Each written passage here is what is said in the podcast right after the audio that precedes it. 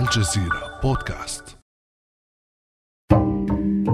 فجأة أغلقت المدارس والروضات وصار الأطفال سجناء بيوتهم ولم يعد من حديث في هذه البيوت إلا ما يتعلق بعدد ضحايا كورونا وشروط الإفلات من مخالبها. أصبح التعليم عن بعد لكن لمن استطاع إليه سبيلا؟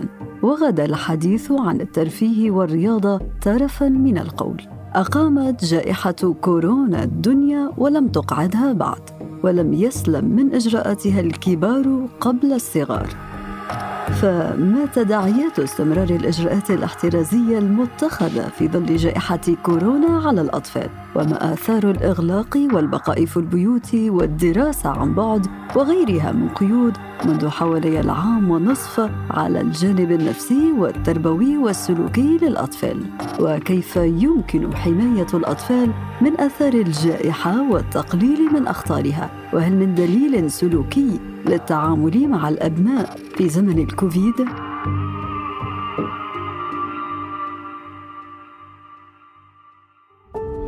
بعد أمس من الجزيرة بودكاست أنا آمال العريسي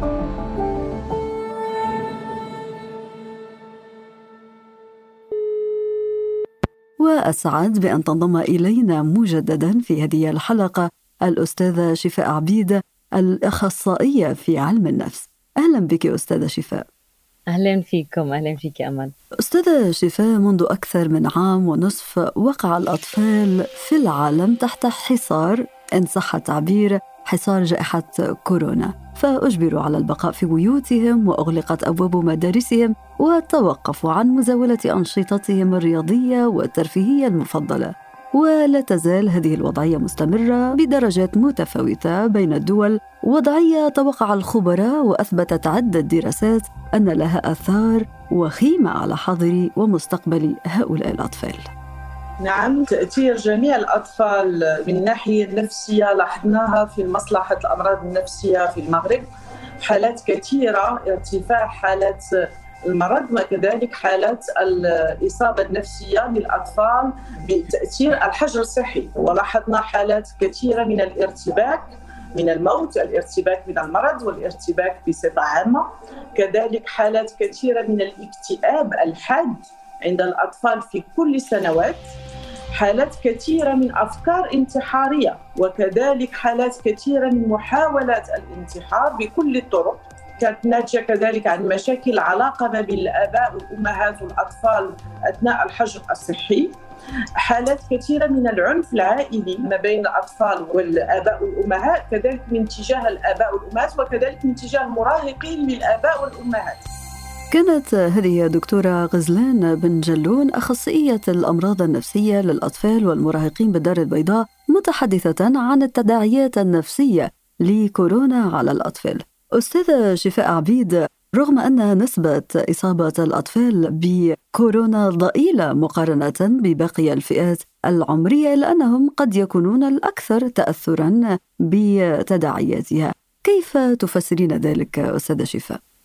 أولا بحب إني أهنيكم على طرح هذا الموضوع لأنه موضوع كتير مهم وما كان في هذه الفترة كلها تقريبا إحنا صرنا سنتين بالحجر المنزلي وبداية انتشار فيروس كوفيد ما كان في توعية كافية بموضوع كيف الأهالي بيتعاملوا مع أطفالهم في الحجر المنزلي يعني الحجر على مدار 24 ساعة.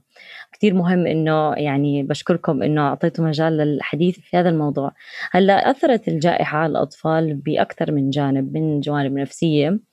اجتماعية وسلوكية وتربوية مثل ما ذكرت الدكتورة غزلان بن جلون نفسيا الآثار النفسية كانت صادمة لإلنا كأخصائيين أو كأشخاص في هذا المجال بالأخص زادت من نسب القلق وتراجع بالحالات اللي كانت أيضا بتعاني من اضطرابات أو صعوبات نمائية.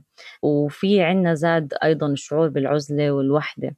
سلوكيا الأطفال نظامهم اختل. يعني كانوا متعودين على نظام معين على روتين معين النظام اختل. والأهالي يعني مع الأطفال بنفس الوقت نظامهم تغير وهذا الشيء أثر على نوعية وجودة التغذية والنوم والعلاقات بشكل عام. وزادت اضطرابات المزاج والتراجع النمائي مثل التعلق يعني مثل الطفل كان مستقل طفل ثلاث سنين أربع سنين بصير أكثر متعلق في أهله بصير بده اهتمام على مدار الساعة من أهله.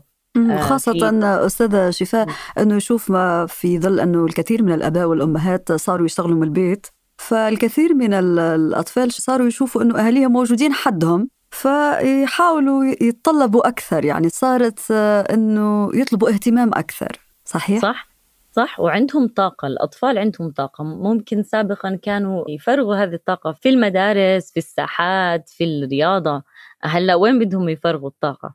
صفى عندهم هذه الطاقة بدهم يفرغوها وبيلاقوا أهلهم موجودين متوفرين حواليهم أو يعني إخوانهم وصاروا يطلبوا هذا الاهتمام الزايد.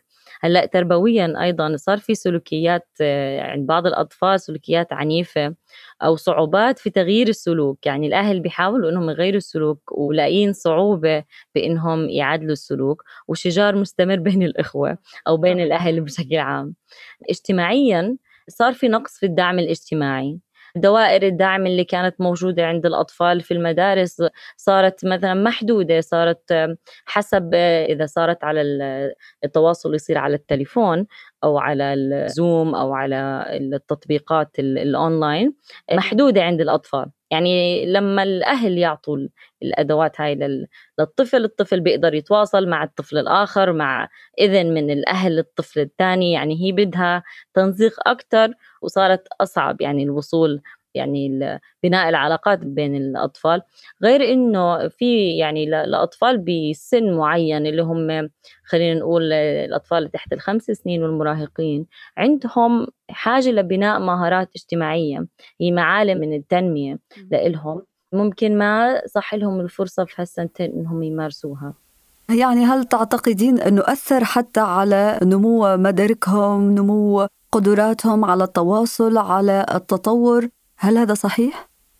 هلا أثر بس إحنا دائما بننوه إنه لما نحكي كلمة تأثير إنه أثر على الطفل حسب شو هو خريطة خلينا نقول اللي هي الصلابة النفسية اللي كانت عنده سابقا يعني كل حسب ال background أو حسب خلفية الصحة النفسية له سابقا هذا يقودنا أستاذة شفاء عبيد إلى الحديث عن من هم الأطفال الأكثر تضررا؟ تحدثي عن عوامل كثيرة ولكن أكيد هناك عوامل أخرى في محيطهم الخارجي جعلت أطفالا معينين أكثر تضرر من غيرهم كيف ذلك؟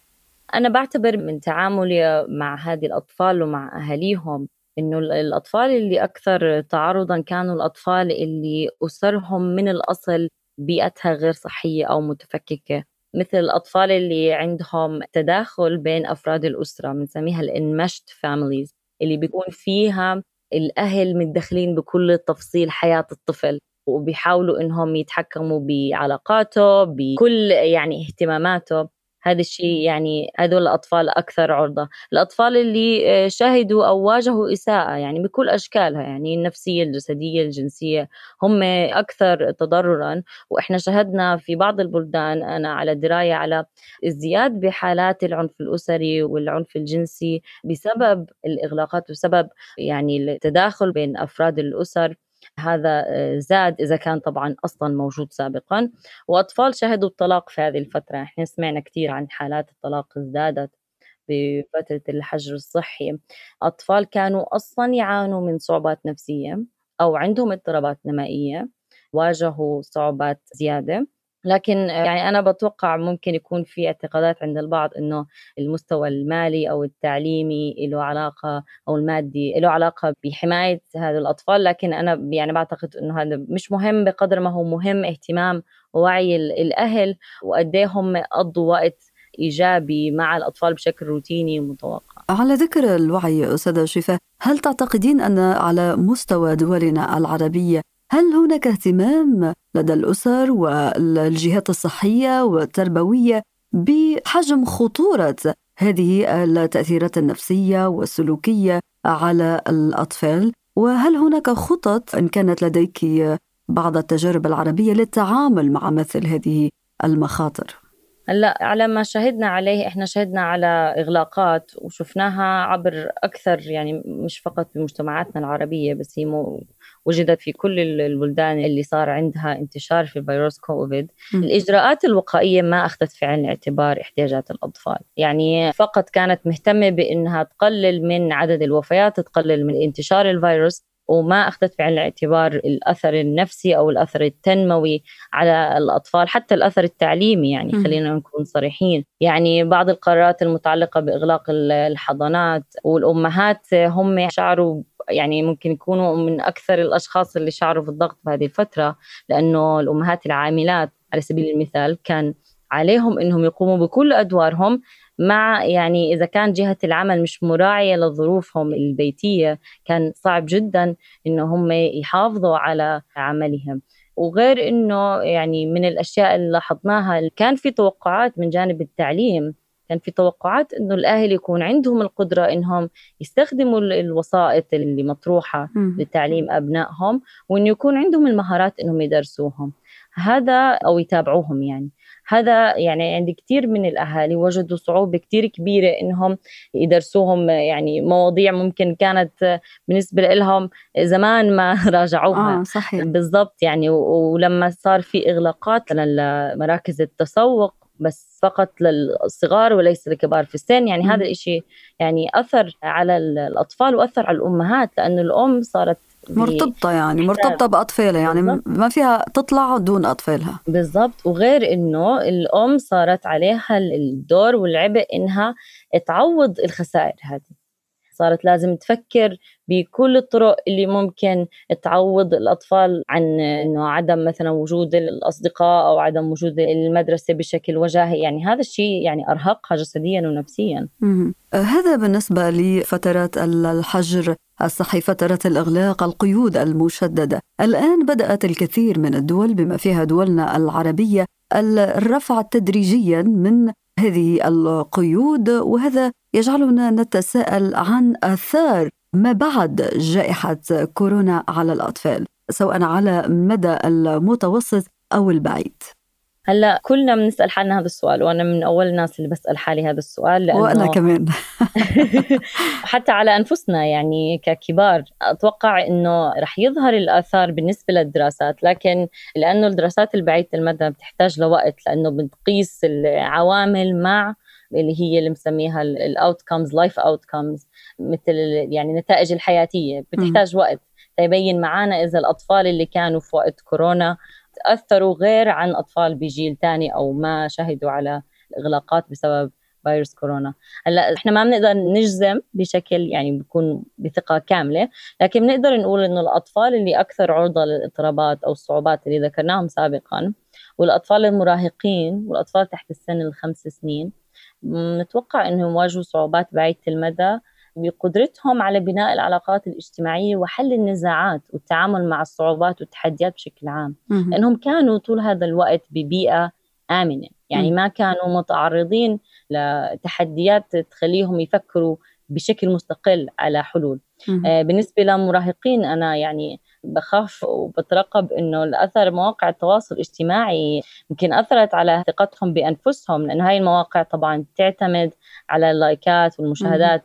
لشعورهم بالانتماء والثقة. وهذا عندهم زي مايلستون نمائي إنه بيحتاج المراهق إنه يشعر بالاستقلالية وبنفس الوقت يشعر إنه بينتمي لمجموعة وإنه مقبول في المجتمع. وهذا الشعور بيكون كثير حاضر عند المراهق.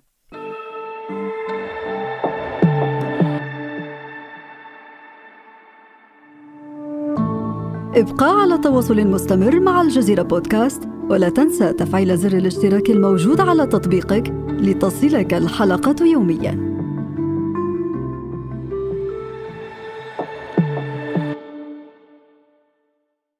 يمكن أستاذة شفاء هو معقد المسألة هذه في مواجهة سواء جائحة كورونا خلال فترة الإغلاق أو الرفع التدريجي للقيود هو أن الكثيرين من الناس لم يكونوا مهيئين للتعامل مع مثل هذه الوضعية التي وجدوا فيها أنفسهم في ظل جائحة كورونا خاصة في العالم العربي وهو ما يجعل توجيه الأسر والمجتمعات للتعامل السليم مع أطفالهم في هذه الظروف يكتسي أهمية قصوى لنستمع. COVID-19 is the first truly global crisis we have seen in our lives and it will not be the يعد كوفيد 19 أول كارثة عالمية بحق نشهدها في حياتنا ولكن لن تكون الأخيرة. هناك خمس فرص للأطفال علينا الحرص على تحقيقها الآن. بناء الثقة في اللقاحات ورأب الهوة الرقمية في التعليم وتعزيز الصحة النفسية وإنهاء التمييز والتصدي لتغير المناخ الأطفال لن يقبلوا العودة لطابع الحياة الذي ساد قبل الجائحة فالوضع السابق لم يكن جيدا كفاية. كانت هذه المديرة التنفيذية لمنظمة الأمم المتحدة للطفولة يونيسيف أنريتا فور المستقيلة متحدثة عن خمس فرص لأطفال العالم كشفت عنها جائحة كوفيد 19 وخمسة دروس حول الكيفية التي يمكن من خلالها وضع رؤية جديدة لمستقبل أفضل لهم. أستاذة شفاء عبيد أنت كأخصائية في علم النفس ما هي مداخل هذا الاهتمام بالحالة النفسية للأطفال والانتباه للآثار الخطيرة التي ذكرت عددا مهما منها وهذه المداخل أعتقد أنه لابد أن تكون في متناول قطاعات أوسع من الأسر أليس كذلك؟ نعم وإحنا كتير مهم كأخصائيين إنه ما نرهق العائلات بتوقعات غير واقعية على أدوارهم تجاه أطفالهم والمهم إنه نحكي عن الأولويات هلأ في الحقيقة إحنا ما بيقدر أي حدا فينا كأم أو أب إنه يكون مثالي في ظل ظروف انتشار وباء عالمي تغييرات اقتصادية اجتماعية ضغط عمل وتداخل في الأدوار. السعي وراء المثالية في التربية رح يخلينا إنه نوصل لمرحلة من الهلاك والاحتراق النفسي. الحل هو التركيز على المهم والمهم هو الاستجابة لاحتياجات الأطفال الأساسية والعاطفية والاجتماعية. وهذا بيحتاج أولا لضمان أنت كأب أو أم تكون متفرغ نفسيا وعاطفيا متحكم بدرجة الضغط النفسي اللي أنت بتمر فيها. كلنا بنمر في ضغط نفسي لكن لما نكون إحنا أصلا مش قادرين نواكب احتياجاتنا صعب علينا إنه نواكب احتياجات أطفالنا. شو هي مداخل الاهتمام اللي ممكن الكل يطبقها؟ بكل بساطة الطفل بيحتاج إلى ما نسميه التفاعل الإيجابي أو ال positive interaction هو آه، عشان يشعر في الأمان وتزداد ثقته بنفسه مع أنه يبدو أنه موضوع بسيط لكن كثير منا ما بيعيش اللحظة. يعني بيعيش بيكون مثلا على هاتفه أغلب الوقت بيكون بيجلس بفكر في المستقبل في الماضي شو راح يعمل شو راح يسوي. م. الطفل بيكون عايش اللحظة تماما بيحتاج منا لما يعطينا يطلب منا الاهتمام بيحتاج منا إنه نكون حاضرين ونلبي له هذا الاحتياج. هذا الشيء بيحتاج لممارسه التأني واليقظة والتركيز على اللحظة الراهنة مع الطفل. الطفل بيحتاج مين يواكب اهتمامه مش مهم إنه هو يواكب اهتماماتنا. بالذات المراهقين اللي عندهم حاجة استقلالية وإثبات النفس. الأطفال اللي الأصغر تحت العمر مثلا خمس سنين بيحتاجوا لروتين وقواعد والتزام من الأهل. ونوع من البريدكتابيلتي اللي بنسميها القدرة على تنبؤ الأحداث. يعني بيحبوا يعرفوا منك أنت كأم أو أب شو ردة فعلك؟ ردة فعلك تجاه مثلا إنهم يخترقوا قوانين البيت تكون نفسها كل مرة. هذا الشيء بعطيهم الشعور بالأمان. وهذا بيحتاج لمجهود خاص وما بيختصر على فئات معينة. هو بعتبره متناول الجميع يعني الكل ممكن إنه يستشير أخصائي أو يبحث أو يجتهد. استنادا لكلامك أستاذة شفاء عبيد هل يمكن أن تصل الوضعية إلى درجة أن الأولياء الآباء والأمهات يجدون أنفسهم محتاجين أنه يعرضوا أطفالهم على أخصائيين نفسيين أو تربويين؟ هلأ مشان نعرف إذا كان الطفل بحاجة لدعم من أخصائي أو طبيب نفسي حتى لازم يكونوا الأهل بذلوا جهد يفهموا شو اللي مر فيه أطفالهم والحوار معهم. إحنا بيجينا كتير أهالي بيكونوا خايفين إنهم يحكوا مع طفلهم المراهق أو شايفين إنه أطفالهم من تحت الخمس سنين غير واعيين. ما بيبذلوا الجهد إنهم يحاولوا يحلوا المشكلة بأنفسهم أو يحاوروهم لأنه هو الطفل رح يعرف شو بيحتاج. من أهم العلامات اللي ممكن تدل إنه الطفل بحاجة لدعم متخصص لما يبين عليه تغييرات بوظائفه وقدرته على الاعتناء بنفسه م. يعني يصير في عنده تراجع بالسلوك أو مستوى أكاديمي هلأ بشكل عام يعني كثير في من الأولاد تراجعوا أكاديميا أنا قصدي يعني بشكل إكستريم يعني ممكن آه. يكون تراجع أكاديمي غير متوقع بشجع الأهالي يستعينوا بالأخصائي عشان ياخذوا فكرة عن شو الممارسات اللي لازم إنه يعملوها مع الطفل ويزيد من وعيهم هم يعرفوا يتعاملوا أكثر مع أطفالهم ويدعموهم هم نفسيا لأنه أكيد هم حاسين بالإحتراق حاسين بالضغط. وهذا الشيء بيزيد من صلابة الطفل سواء كان هو في حالة حرجة أو في حالة يعني بيحتاج اهتمام مش عارفين كيف نتعامل معه لكن ما وصل لحالة حرجة. طيب لأنه نعم وصلي نعم. وصلي فكرتك أستاذة. لأنه بيجينا حالات كثير أغلب حالات الأطفال ما بتيجي لأخصائي أو لطبيب نفسي إلا لما يكون في مثلا محاولة انتحار ايذاء نفس يعني مراحل صعبة جدا متقدمة علينا يعني. العلاج. آه يعني إحنا بنفضل إنه قبل ما يصير هذا الشيء كنوع من الوقاية يعني. يعني أستاذة شفاء عبيد لو طلبت منك أن تقترحي على المستمعين دليلا أو مدونة قواعد سلوكية عملية لنكن عمليين للتعامل مع أطفالنا في زمن الكورونا. كدليل أو مدونة يعني هو دائما في عنا ميول إحنا إنه ندور على الحلول اللي يعني واحد اثنين ثلاث إيش نعمل نعم. كدليل لا يوجد دليل أو مدونة لكن في يعني ممكن إنه في تغييرات ممكن تصير يعني بتخص الحجر المنزلي اللي هي قلنا عنها سابقا الروتين يعني الروتين مهم جدا لكل الأطفال يكون في روتين عندك أنت كأم أو أب وعند الأطفال ويكون في أنشطة في هذا الروتين يكون في أوقات متخصصة في اليوم للأنشطة التشاركية الجماعية. ممكن هاي الأنشطة تكون بشكل التقاء على مائدة الطاولة وقت الغداء ممكن تكون أنشطة تفاعلية مش شرط إنها تكون مثالية يعني أي شيء ممكن يكون حوار عن أي موضوع بس الكل بيشارك فيه الكل بيشعر في الانتماء. العلاقات الآمنة والداعمة مهمة جدا بين أفراد الأسر. وبنحتاج الأهل بيحتاجوا يدعموا أطفالهم أيضا بأنهم يتواصلوا مع أطفال ثانيين من خلال استخدام الهاتف يعطوهم شوي الهاتف أو الإنترنت. المراهقين ممكن يكونوا على الوسائل التواصل الاجتماعي بشكل مبالغ فيه لكن هو أصبح شيء ضروري لفئتهم العمرية يعني لأنه رح ينعزلوا إذا ما كانوا على هذه الوسائل. وفي نقطة كمان مهمة أنا دائما بحب أحكي فيها ودائما بحاول أشجعها في مجتمعاتنا اللي هي التعاون ما بين الأم والأب ومشاركة الأب في التربية.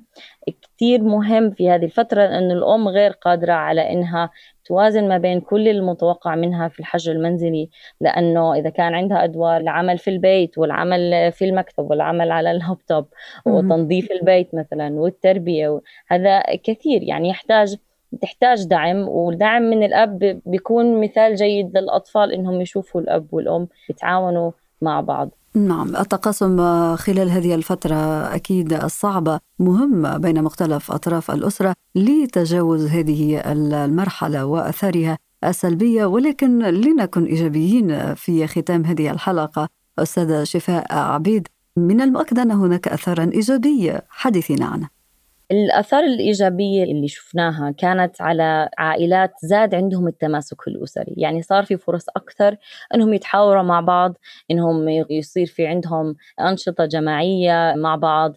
زيادة وعي بخصوص العلاقات صار عندهم يعني اشتغلوا أكثر على علاقاتهم مع بعض.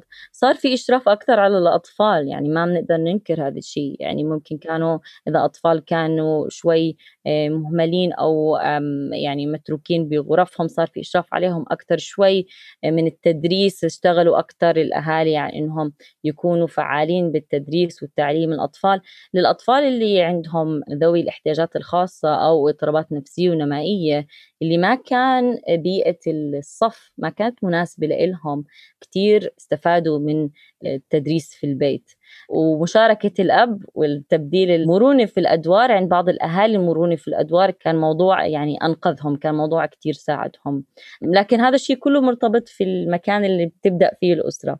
بس حابة أقول وممكن ننهي في هذه الكلمة إنه إحنا حكينا كتير عن الآثار لكن لا يعني إذا إنه طفلك عاش وعاصر هذا الحجر المنزلي إنه لازم يكون عليه آثار. هذا غير صحيح لأنه الصلابة النفسية والصحة النفسية معقدة أكثر من هيك. في علامات خطورة في علامات آه، قوة وعلامات آه، حماية عوامل حماية اللي هي اللي بتجزم كيف ممكن تكون حياة الطفل في المستقبل.